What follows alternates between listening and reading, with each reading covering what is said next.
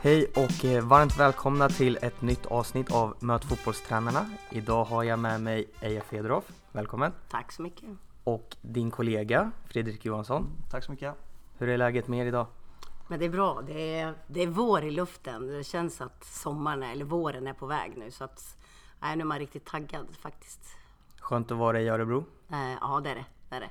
Det är inte så ofta man är här, men det är otroligt skönt att vara här. Hur många resdagar har du på ett år?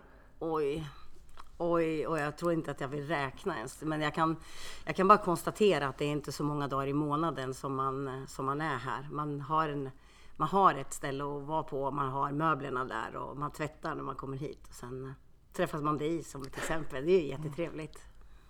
Ja, vi kör igång med faktarutan. Ja. Ålder? 53. Familj? Eh, ja, har två barn. Eh, Amanda, eh, vad är hon? Hon är född 96 och sen Oskar är 00. Så Oskar bor i Karlskoga just för tillfället och Amanda bor här i stan. Så det är min familj. Och du bor i? Jag bor eh, i en lägenhet eh, på ja, mitt i på Fredsgatan, alltså det ligger mitt i centrum. Gör det. Bästa spelaren du har tränat?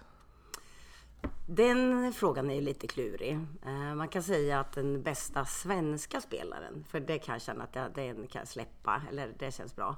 Ehm, jag har ju två egentligen som jag, som jag har. Då tänker jag inte bara alltså den bästa fotbollsspelaren, utan jag tänker hela paketet. Alltså med personlighet, eh, sätt att tänka liksom elitmässigt och, och sen hur, eh, hur man handskas, eller hur de handskas med information, framförallt när jag träffar dem. Då. Så den ena är ju Augustinsson ehm, och den andra är Gilon Hamad. Eh, och det är två fantastiska, fantastiska fotbollsspelare men också fantastiska människor. Har du något favoritlag? Oj, nej vet du, det här är ju jätteknäppt. Men jag tittar, när jag tittar på fotboll då, då tittar jag oftast på spelare. Alltså enskilda spelare, men det är nog en yrkesskada också att, att jag gör det. Uh, så att om jag tittar på Barcelona så kan det vara så att jag tittar på passningsspelet eller alltså hur hårt det är passningarna eller så, eh, och jag kan titta på Boateng för att bara se hur han jobbar med den längre bollen. Så jag har hittat favoriter liksom i otroligt många lag. Eh, så nej, inte ett specifikt lag. Har du någon förebild? Eh, jag har egentligen väldigt många. och, och förebilderna behöver inte alltid ha liksom med fotboll att göra. Utan det kan ha med massor med andra saker att göra. Uh, och en sån som jag har följt, eller han, idag finns han ju inte, det är Nelson Mandela. Om man bara tittar på hur han, uh, hans personlighet och vad han har liksom gjort för, för världen så är det en, en otroligt stor förebild. Har du någon favoritsyssla utanför fotbollen? Oj, alltså, alltså, ja, ja, alltså det är ju mycket fotboll, det är ju. Men, men skulle man ta någonting som, som jag gillar så, så är det ju att hålla på med alltså heminredningsdetaljer så, och trädgård, alltså med blommor. Eh, det är väl två sådana saker som jag har pysslat med tidigare också. Eller har, ja, möbler tycker jag om. Ja. Jag började jobba med det för fem år sedan så jag jobbar mycket runt omkring fotbollen utanför plan. Och eh, jag tror aldrig jag burit så mycket de här fem åren som jag har gjort eh, eller tidigare som jag gjort med dig. För att ja, vi har den ena historien efter den andra med stora tunga garderober. Liksom, man har burit Italien nerför trappor och så här. Så att eh, möbler kan jag flika in att det tycker hon väldigt mycket om också. Ja, så mm. det gillar jag.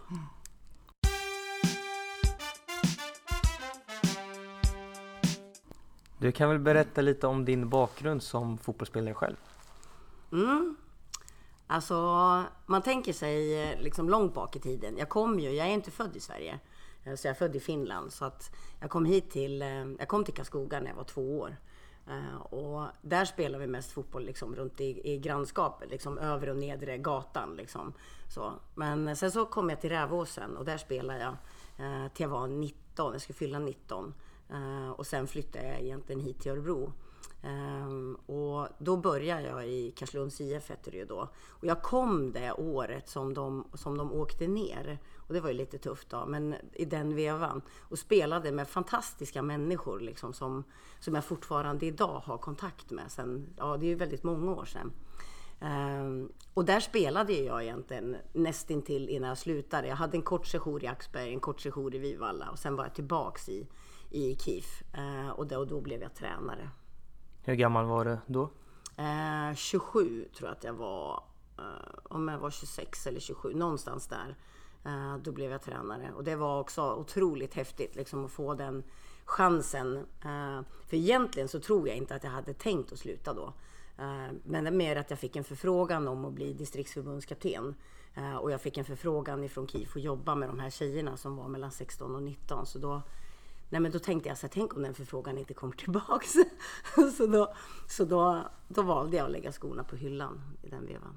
Så du var inom situationstecken en vanlig tränare innan du specialiserade dig? Ja, men precis.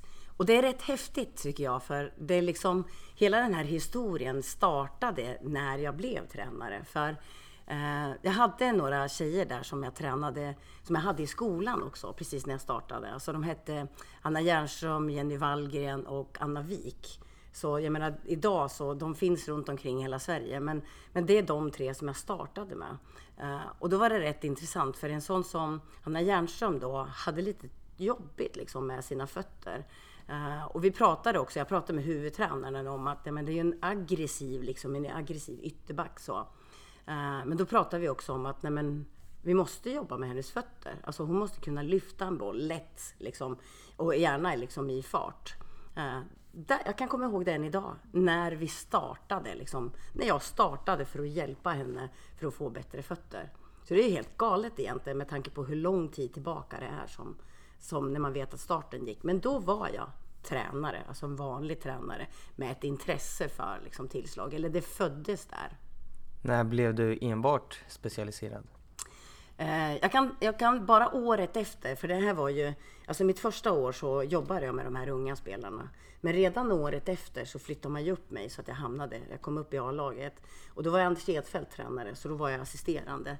Um, och där när vi var på träningsläger någonstans neråt Tommelilla eller någonstans var vi. Då började jag med spelare som, jag menar i A-lagsspelare där som Erika Gerhardsson var det en tjej som hette. Uh, så där, där började jag redan och då liksom specialisera mig för en, en, en del i liksom fotbollsdelen. Jag håller på med allting annat också som hade med fys och sånt här att göra. Men där kom liksom tillslagsdelen in. Och den har liksom, från den tiden så har det liksom funnits, så funnits kvar. Och jag har verkligen varit nördig liksom i, i hur jag ska attackera problem. Jag menar, hade en tjej som inte kunde slå en hörna, men då, då måste vi ju hjälpa henne. Men bara det att jag inte, jag fattade inte och jag kunde inte liksom. Jag visste inte hur man gjorde, jag hade ingen att fråga heller. Så det var rätt intressant att det föddes utifrån att någon inte kunde och att inte heller någon annan kunde hjälpa. Så att då, då var det precis som att ja, men då får man väl, det är väl bara att plugga så kommer man att hitta det. Liksom. Men här sitter man, är med? det är liksom 25, 30, ja, över 25 år senare. Liksom. Och fortfarande idag så finns inte den kunskapen på det sättet. Hur ser en vecka ut i din vardag? Hur jobb mycket jobbar du? Oj, Fredrik, alltså vi... Eh, ja, det är väldigt olika och det är väl det som är en del av att det är så roligt. Eh, så att, eh, men vi reser väl... Vi, vi träffar ju mycket lag, framförallt kanske mellan Stockholm och Göteborg. Eh, där vi har träningar med lagen och så träffar vi också mycket klubbar och har utbildningar med deras ledare. Eh, så det är väl så att säga kärnan i det vi gör och sen har vi en del egna arrangemang också. Men vi reser väldigt mycket mellan Stockholm och Göteborg. Så en vanlig vecka kanske vi har eh, tre dagar i Göteborg och två dagar i Stockholm. Eh, och vi försöker ju ändå planera lite grann så att man slipper resa varje dag. Eh, jag vet när Eja höll i kalendern så åkte vi från Holland till Dorotea. Det var liksom dagen efter vi hade varit i Holland så skulle vi till Dorotea som ligger av upp, högt upp i skogarna. Mm. Och det var så här, ja. Så att jag, nu försöker jag styra det där lite grann. Men jag Precis. vet inte om en vanlig vecka är svår att säga men, men det, det, skulle väl kunna, det är väl en ganska vanlig vecka i alla fall. Ja, att det är några dagar i Göteborg, några dagar i Stockholm. Mm. Men sen sticker det ju ut liksom med, med, precis som man sa nu om alltså utländska uppdrag. För de finns ju också i olika länder. Mm. och sen att vi också har spelare som kommer ifrån andra länder eh, som, mm. som kontaktar oss och vill ha hjälp. Och ibland är de väldigt, väldigt långväga. Men där, det skiljer sig liksom också i hur vi jobbar med, när vi jobbar med den sorten, alltså när vi jobbar med professionella fotbollsspelare eller när vi jobbar med lag, för då jobbar man med en hel trupp. Här kan man jobba med enskilda individer. Så det kan ju finnas liksom avarter i vårat, alltså i det vi jobbar med liksom. Men det här det är mer den normala Ja, och vardagen. de styrs ju väldigt mycket av sitt seriespel så att det blir vissa perioder på året då. Kanske hemma och sådär, eh, lite ledigt och matchuppehåll och sådär. Mm. Annars har de ju fullt sjå i serierna och så, så att det är svårt att tajma in liksom kontinuerligt. Mm. Nej, precis. Som du sa så har ni jobbat med allt ifrån landslagsspelare till nej liksom vanliga klubbar runt om i Sverige. Mm. Hur vet du vilket typ av tillslag du vill lära ut? Alltså det här är ju intressant. eh, För när vi pra- när vi pratar om lag eh, så, så är det ju egentligen en grundteknik. Alltså det är saker som de gör idag som gör att, att det är lite tuffare för dem att alltså springa och skjuta för att de måste stanna. Så att då finns det en problematik i liksom själva grundfundamentet. Eh, så när man jobbar med de yngre så är det där man startar. Där, är, där befinner jag mig.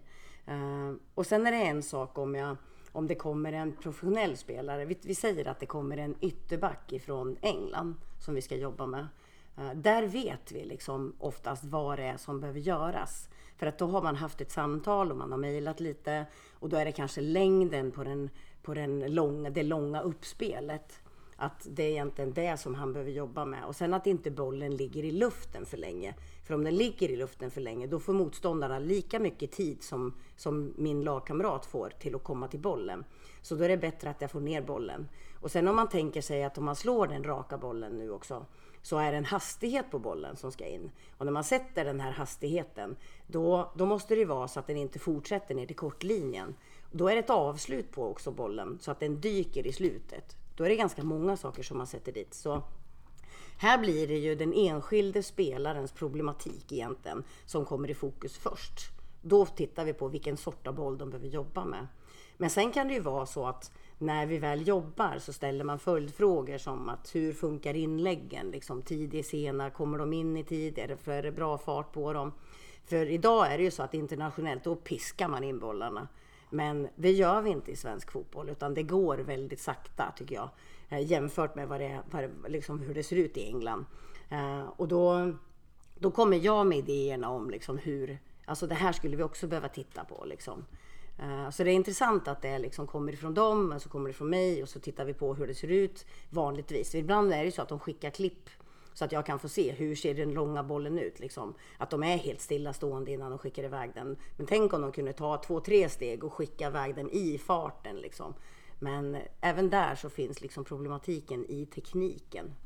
Så eh, nej, man kan säga att den är eh, att vi anpassar den utifrån det behovet och att det blir olika för de som är professionella och för de som är alltså för de lag och de unga som kommer för de behöver grunden först att stå på för att kunna göra resten. Men de kan få kittla lite, de kan få känna lite eh, liksom på hur man gör en dykboll eller hur man gör en boll lite, lite hårdare. Så att de känner att det inte är så långt bort. Så att det alltid är alltid några som i de här grupperna som, som hittar liksom tekniken. Så det är riktigt häftigt. Har du något där Fredrik? Som, eh... I första hand kanske, jag har ett lite annorlunda perspektiv på tillslag än vad jag och många med mig har växt upp med. Eh, och efter att jag träffade henne för fem år sedan så kändes liksom allting det hon pratade om väldigt logiskt. Eh, och jag själv kände väl att jag kanske aldrig hade ifrågasatt det som min tränare hade lärt mig för 15 år sedan. Och jag bara tog det liksom, nej men det är så här det funkar. Och sen hade inte jag tänkt så mycket på det. Men när, Eja, när jag träffade Eja så fick jag helt plötsligt ifrågasätta de här gamla sanningarna som jag hade fått höra. Eh, och det är väl kanske det främsta när vi träffar spelare, att vi tillför ett nytt perspektiv på varför bollen blir hög eller varför bollen inte blir hög. Eh, varför blir bollen, varför blir Ronaldos skott extremt hårt fast han har en pendel som är kortare än en linjal? Ändå så tjatar vi i svensk fotboll om att vi måste pendla igenom. Vi, vi ser ganska bra lag stå och liksom träna en pendelrörelse som är extremt lång. Både bakåt och framåt. Fast vi ser David Luiz, Ronaldo, De Bruyne ha världens kortaste pendelrörelse och ändå blir bollen stenhård. Och då kanske vi tar in ett nytt perspektiv på varför bollen blir hård. Eh, vi kan se spelare som hänger som en falukorv med sin överkropp över bollen och ändå blir bollen jättehög. Och ändå tjatar vi om att ja, men du måste luta fram kroppen. Ja, fast han kan inte luta sig mer. För han, han är så framåtlutad så han, det ser ut som att han spyr nästan. Eh, och, och, och, varför blir bollen hög då? Och då kanske många säger som man hör på TV ibland att ja, men det var för mycket fot under bollen. Det är också, men jag kan titta på en straff som Ronaldo slår. Han har också fot under bollen, ändå blir den låg. Så just det här, att annat perspektiv på tillslag kanske är det som är kännetecknande för Eja och som vi får väldigt positiv feedback av även från professionella spelare att de tycker att wow, det här hade jag inte tänkt på, vad kul. Och då bär de med sig den kunskapen när de sen jobbar vidare på egen hand. Eh, så det är väl en stor del, just kunskapstillförseln eller det här nya perspektivet på varför blir bollen så? Eh, varför, blir, varför dyker en boll? Vad är det som gör att en boll dyker? Vad är det som gör i tennis att eh, Rafael Nadal får topspin på sin boll så att den är under nät nästan när, på hans planhalva. Men så går den över nät precis när den passerar nätet och sen ner igen. Vad är det som gör med hans, vad är, vad är det hans racketrörelse som gör att det blir så? Och vad är det som gör att Ronaldos fotboll blir, har samma typ av bollbana? Det är också en intressant fråga. För det i vår värld är det någonting du kan påverka. Du kan påverka riktning, höjd, fart men även bollbanan. Det är inte bara någonting som händer. Utan det är någonting som sker i rörelsen eh, hos, när man skjuter den här typen av boll som gör att bollen, precis som i tennis eller pingis, får den bollbanan. Och det ser vi väldigt mycket internationellt. Att om jag till exempel är en innermittfältare har väldigt lite tid på mig. Dels har jag inte tiden att ha de här stora yviga rörelserna. För då, då måste, då, då, jag har för lite tid. Tänk dig ishockey om vi tänker andra sporter. Eh, så ser du inte de här slagskotten på samma sätt. Där, där klubban är uppe i taket. För du har inte tiden. Då kommer någon i skottlinjen och täcker och du har mycket, det går mycket fortare där ute idag. Så, så rörelserna är mycket mindre. Samma sak inom fotbollen. Eh, och ser vi till exempel internationellt, som jag pratade om tidigare, den, den stora skillnaden på kanske en hörna, i, om vi tar allsvenskan och internationellt, det är ju verkligen hastigheten på hörnan. Eh, så från att den lämnar hörnläggarens fot till att den är framme på mittbackens huvud i straffområdet. Den tiden är så mycket, mycket kortare internationellt än kanske inom i svensk fotboll. Och, men då, för att jag ska kunna få den höga hastigheten utan att bollen sticker för långt, så måste jag ju kunna få bollen att dyka. Annars kommer ju, precis som i tennis, att bollen kommer gå utanför baslinjen längst bort om jag inte får den att dyka. Eh, och det, den, de två stora skillnaderna, bollbanan internationellt och hastigheten på bollen, är jätte, jättestor skillnad på. Eh, och, och, i vår värld så kan man påverka det även med seniorspelare. Eh, inte bara när de är små, utan även när de är äldre. Så vi skulle kunna sitta, här, nu får jag be om ursäkt alla lyssnare för att nu är det någon tråkig stockholmare här som som sitter och babblar och det ska, Eija ska vara i centrum. Men jag har jobbat med fem ja, år. Nej, jag, har hört henne, jag har hört hennes gnabb så mycket. Jag kör och hon pratar brukar vi säga ja, precis. i bilen. Så jag har blivit lite skadad. Men jag, jag ska försöka ja, nej, men det är lugnt. hålla mig För det är, precis, nej, men det är precis så här Det är precis så här vi resonerar mm. alltså när vi sitter mm, i bilen. Det, det är superintressant. För när jag träffade dig också lite, lite tid här, mm. Eh, så, så tänkte jag tillslag är inte så mycket. Jag kan ju det här, vadå? Ja men bredsida och så vrist och sådär, det är väl inte så mycket. Men tillslag är så mycket mer eh, än, vad man, än vad man kanske förstår. Mm. Eh, det finns så många olika sorter av tillslag. Eh, en spelare kanske har ett bra skott framifrån medan en annan har jättebra inlägg. Eh, det är olika typer av tillslag så att det är så roligt att prata om det, just mm. den här variationen i någonting som man inte tror är, har så stor variation. Mm. Så att jag ska, jag ska, jag ska försöka hålla mig lite. Det är lugnt. Mm. ja, det är lugnt. Det är lugnt. Mm. Jag har ju tränat lite med dig ja. ett par gånger mm. och du har ju pratat väldigt mycket om att man ska släppa fötter. Kan ja. du försöka förklara lite det? Mm. Alltså tekniska delar. Eh, jag tänker så här för eh, under hela min livstid så har jag hört att man ska sätta stöd i foten och att den ska vara bredvid bollen. Eh, och att den ska vara där för att det ska vara så stabilt som möjligt. Eh, men tänk dig då att jag springer som, vi, vi säger en yttermittfältare och jag springer på kanten. Och när jag kommer i absolut högsta hastighet, jag säger att jag springer, jag kan inte, säg 10 km i timmen. Jag kan inte, jag vet inte riktigt hur fort det är men, men för att sätta en siffra bara. Eh, och tänk när jag väl bestämmer mig för att jag ska slå in, alltså få, få slå in det här inlägget. Ska jag då borra ner stöd i foten i marken? Då, då, då blir det ju att jag springer 10 km i timmen för att tvärnita. För att sätta ner foten och sen slå in en boll. Nej men alltså logiskt så går det ju inte. Alltså det är ju jättejobbigt för kroppen att man skulle göra det. Så därför är det ju... Det här, det här har ju liksom alla saker som man gör på en fotbollsplan, i min värld nu då, så handlar det om att släppa fötterna från marken. För du gör ett inlägg i fart, du springer och skjuter centralt på, på, liksom på som en innermittfältare och ska skjuta ett skott. Men det bästa av allting är ju att om du har foten kvar i marken, då bestämmer du inte höjden, farten, riktningen och du bestämmer inte heller eh, slutet på en boll. Alltså inte dyk, inte skruv. Du kan inte. Det är nästan till tekniskt omöjligt att göra det. Men, men du kan, men, men sen så kan man säga att jag kan ju få en rak boll när jag har foten kvar i marken. Ja, absolut. Det säger jag inte att du inte kan. Men om du vill göra en sak ofta och klara det ofta, då behöver du släppa fötterna från marken. För du kan inte sätta liksom, tekniken i, i, och springa och skjuta och få en helt rak boll eh, om inte fötterna är i marken. Men, men det som är intressant det är att har du fötterna i marken, jag tar det igen för att liksom förklara det. Så om foten är kvar i marken, då har du svårt att bestämma höjden. Det blir lite vad det blir och så är du liksom lyckosam en gång. Så någon kan ju säga så ah, kolla där, nu vart det rakt.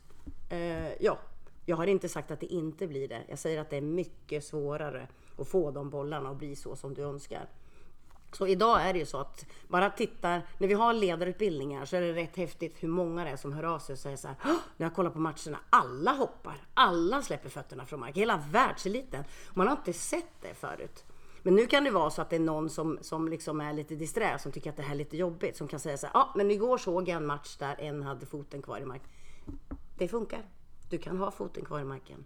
Men att det är lite svårare att göra samma sak om och om igen. Så när vi jobbade, du och jag också, så pratade vi om lättheten, när det var, vad, vad skönt det var för kroppen att, att vi släppte fötterna från marken. För du hade ju, det var lite skönt faktiskt att du, när vi jobbade då så hade vi två andra spelare idag som är riktigt bra. Eh, då hade du möjligheten att jobba med Gillon Hamad. Jag har ett otroligt fint kort på er. Eh, och sen hade du Kalle Holmberg som den andra. Så det var också, det var riktigt häftigt. Och det var ju här i Örebro som vi var då. Eh, där alla, alla, alla ni tre fick möjligheten att jobba lite. Du har ju även jobbat i ÖSK. Ja, Hur var det att vara bunden till en klubb som tillslagstränare jämfört med nu när du reser runt? Eh, det, det, alltså, det är egentligen samma, det är samma sak egentligen. För det är ju liksom spelarna som är i fokus. Jag jobbar med de enskilda spelarna. Så om jag bara tar lite av tiden när jag liksom jobbade i ÖSK så jobbade med Sixten Boström och Lasse Mosander. Eh, och det var ju, då var jag ju första tjej som fick möjligheten att jobba liksom i Allsvenskan. Och bara det var ett jäkla liv om att, att man var det. Ingen pratade om att jag jobbade med, att jag jobbade med själva tillslaget, för bara det var ju mycket, mycket större i min värld än att jag var tjej i den där världen. Ehm, och när man jobbar med, eh, med allsvenska klubbar så är man ju, då har man ju samma trupp hela tiden. Eller nästintill samma trupp, för jag var ju här ett antal år. Ehm, och i det här fallet då så var det ju Sixten som bestämde att, att jag skulle jobba med de som var alltså startspelarna där. Och den spelaren som jag jobbade med mest ifrån början var ju Samuel Vovoa. Så att vi bestämde, eller Sixten och Lasse Mosander bestämde att vi skulle jobba med de fasta situationerna. Och det var ju det vi gjorde. Så att man såg till att Nordin på ena sidan och Samuel Voa på andra sidan fick så bra fötter så att de kunde sätta så många hörner som det bara kunde vara. Och det här var ju riktigt, alltså häftigt för procentsatsen liksom för hur mycket fler mål vi gjorde på fasta situationer, den var riktigt hög. Och det var häftigt för det blev ju, Samuel hade ju tidigare bara lagt in bollarna, alltså det blir en fart på dem till att han började att slå in dem riktigt hårt och man satte en punkt för vart han skulle sätta dem. Så för att jobba med och vara knuten till en klubb, då är det rätt häftigt för då har jag ju samma spelare liksom vecka ut och vecka in. Så jag ser dem i träning och man kan gå in och peta på dem liksom hela tiden med små detaljer. Så det är en fördel liksom att jobba klubbmässigt. Så men det var en otroligt häftig resa, för det var ju det året som vi också, alltså vi kom trea då. Eh, där alla vi mötte sa att, nej, men att de hade otur bara den dagen när vi mötte dem. Och det kändes jättejobbigt, för jag tyckte att vi alltså på något sätt presterade under, under, under det året, framförallt under det året. Så eh, det var häftigt att se spelarnas resa också liksom, och titta på utifrån vilka positioner de har. Liksom. Och där var det ju så att Antonen och Samuel Voa Eh, när de gjorde statistik från någon av tidningarna, om det var Expressen eller Aftonbladet då, om att de hade flest boll. Liksom. Och det var rätt häftigt med deras inlägg och deras framfart. Liksom. Så det är den ena delen, liksom, att jobba med klubb, eh, med en klubb så här i Allsvenskan, vilket var jätteroligt och skulle definitivt kunna göra det igen. Men sen kan jag jobba med landslag inför ett EM eller ett VM eller ett OS. Då har jag inte lika mycket tid med dem. Utan då bestämmer man liksom hur ofta man ska besöka dem.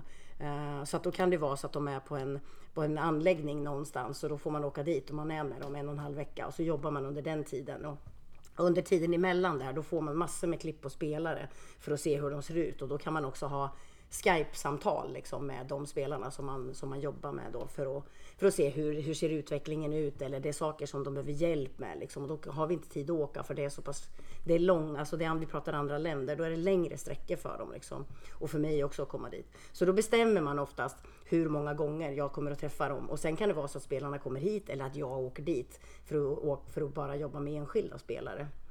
Uh, så det är också häftigt, att man kan vara att man kan jobba med, med både landslag och man kan jobba med klubblag.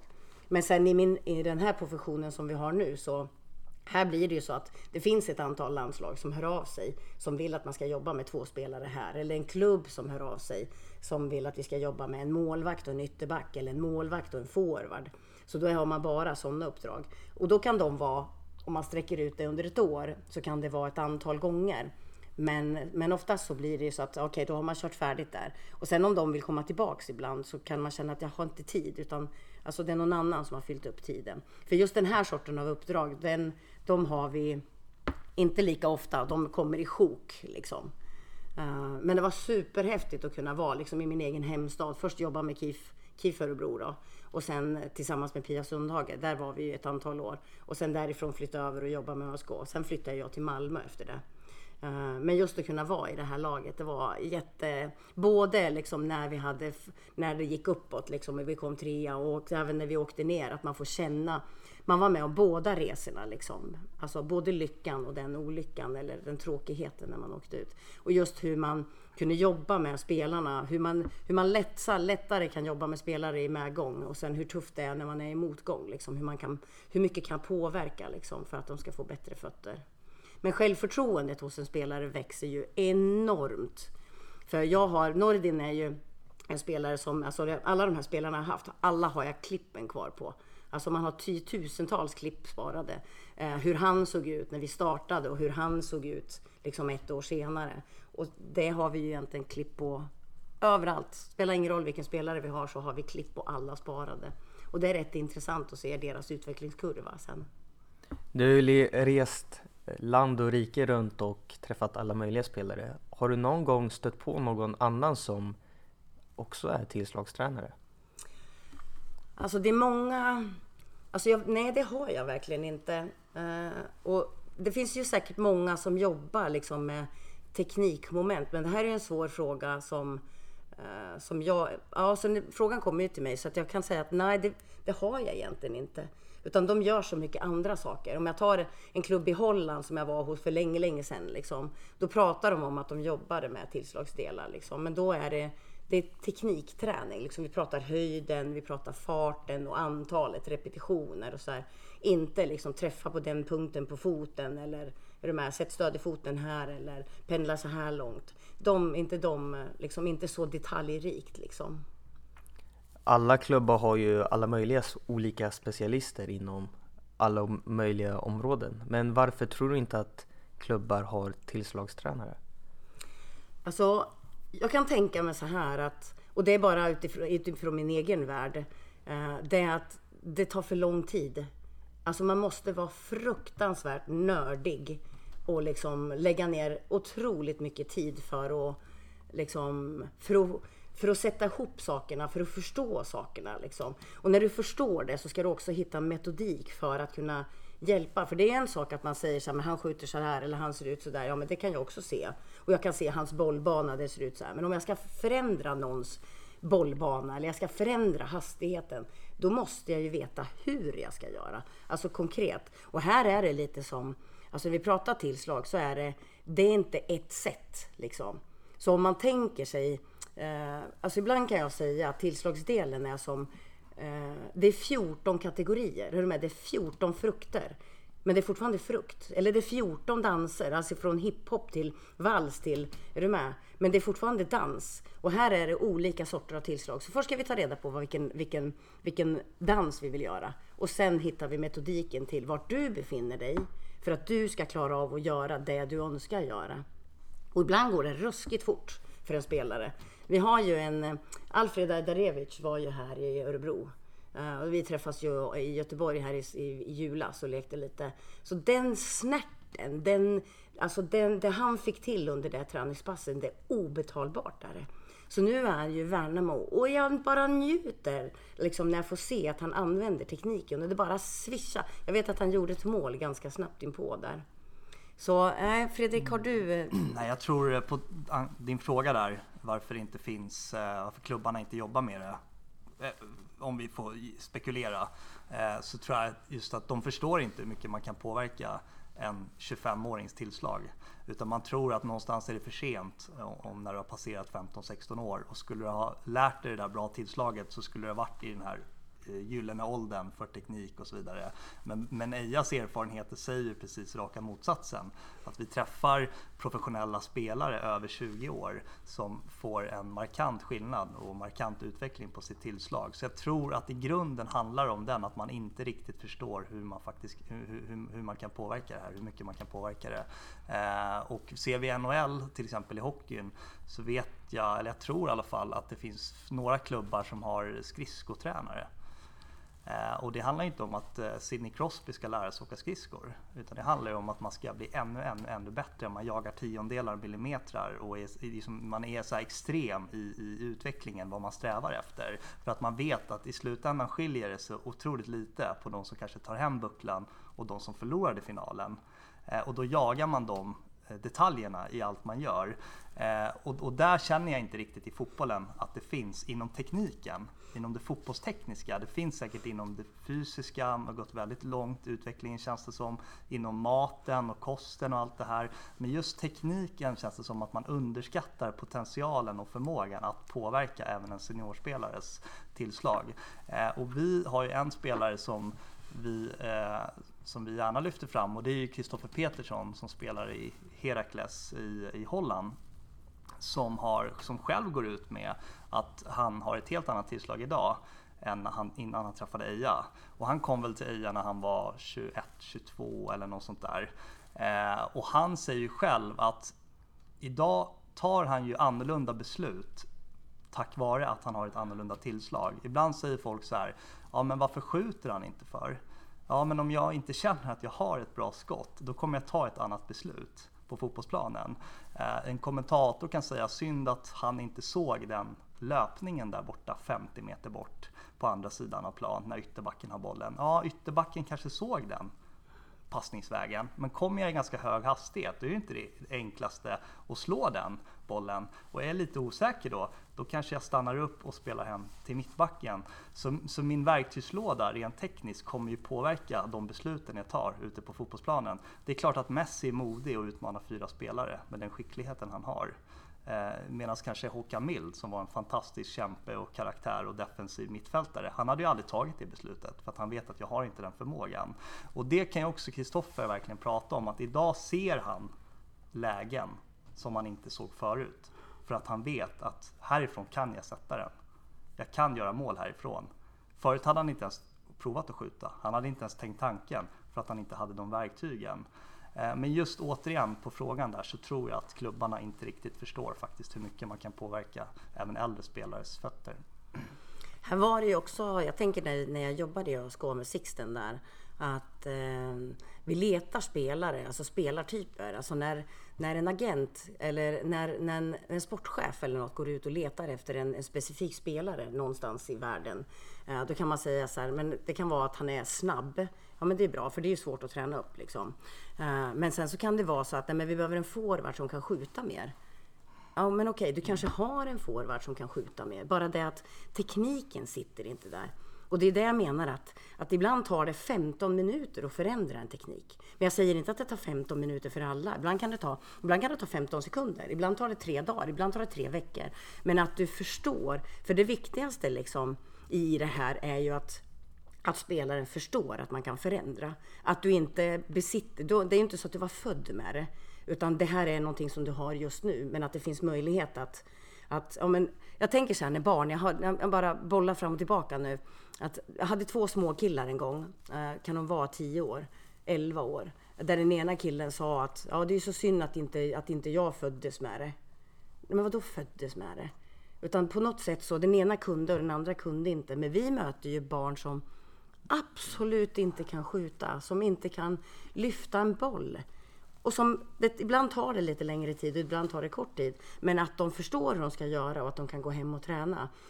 Det är ju det, är det som är liksom så häftigt. Förståelsen för hur man kan förändra sin egen teknik. Att du själv kan ändra den. Mm. Men så kommer, jag har en sak till som jag, som jag har liksom på tråden. Det är att om vi tar ett, vi tar ett allsvenskt lag. Uh, för när, nu har man ju varit både i allsvenskan eller i landslaget. Alltså att man pratar om uh, spelare som uh, Spelsystem tar vi, för vi pratar ju oerhört mycket spelsystem och den ena är bättre än den andra, man, har, man är klok liksom. Men om vi tar ett, ett lag då som släpper ut en boll till ytterback och ytterback släpper upp den till yttermittfält och så släpper man tillbaks den. Ja, där är det tillbakaspel.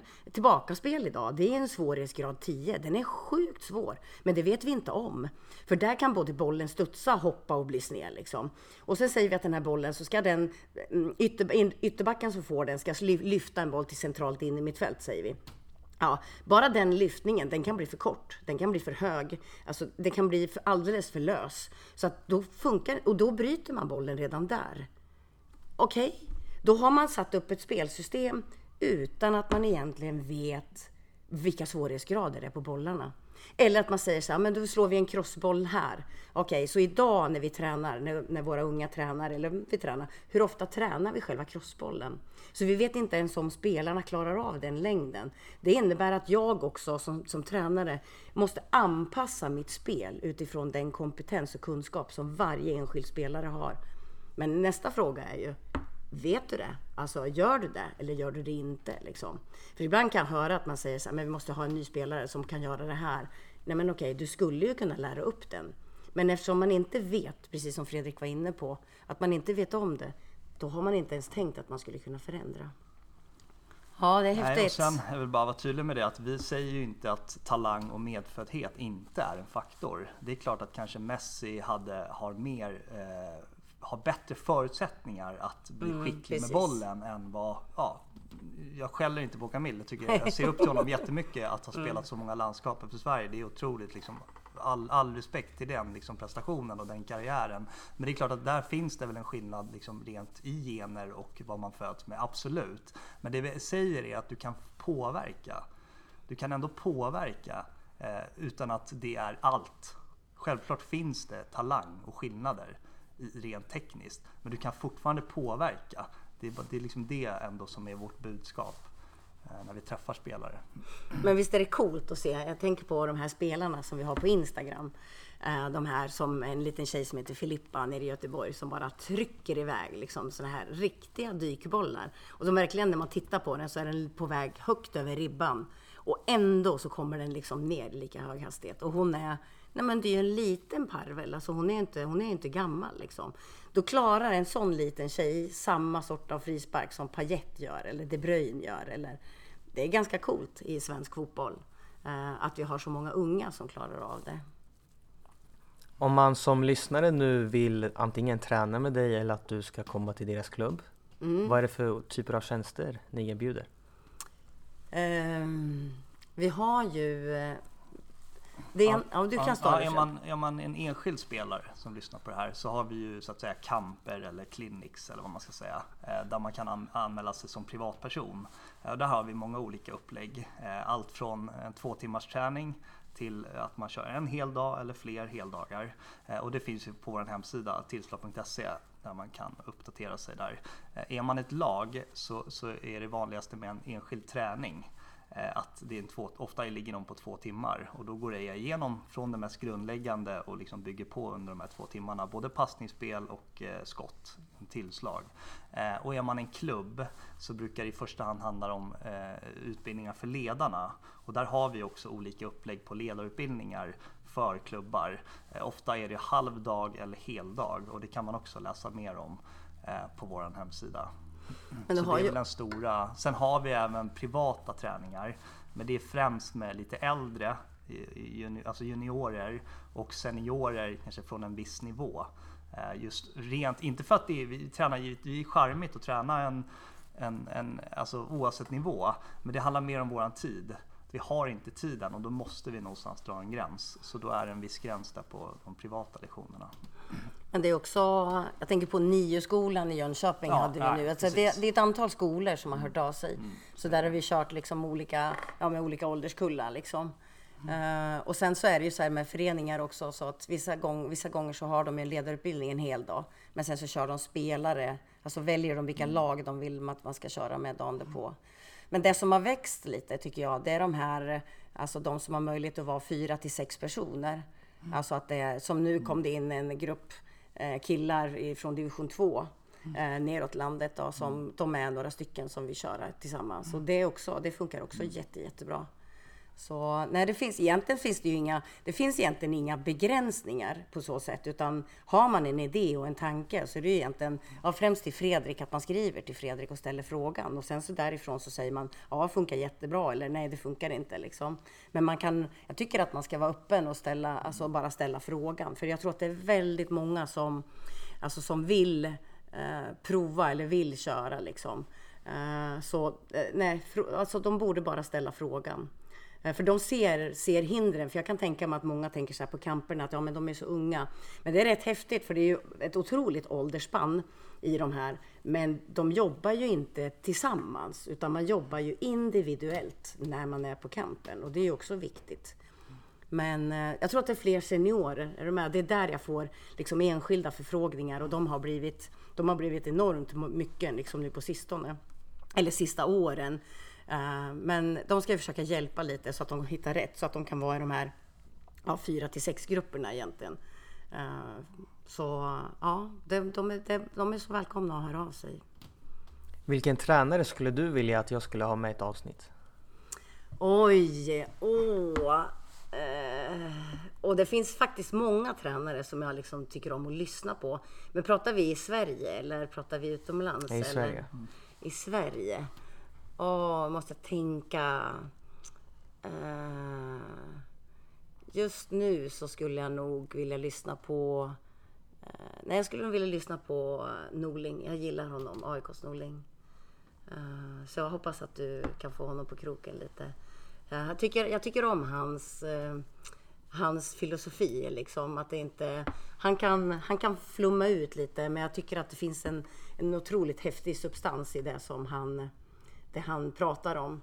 Eh, jag tycker också om, nu ska jag ta en till som är liksom, för de här är två, det är två tränare som är väldigt olika. Eh, och den andra tränaren är ju Billborn. Fredrik känner ju till honom sedan, tidigare, alltså kan mycket mer om honom. Men just att han är så noga med detaljer. De är noga med detaljer båda två, det är de ju, för annars skulle de inte liksom vara högt upp och nosa liksom.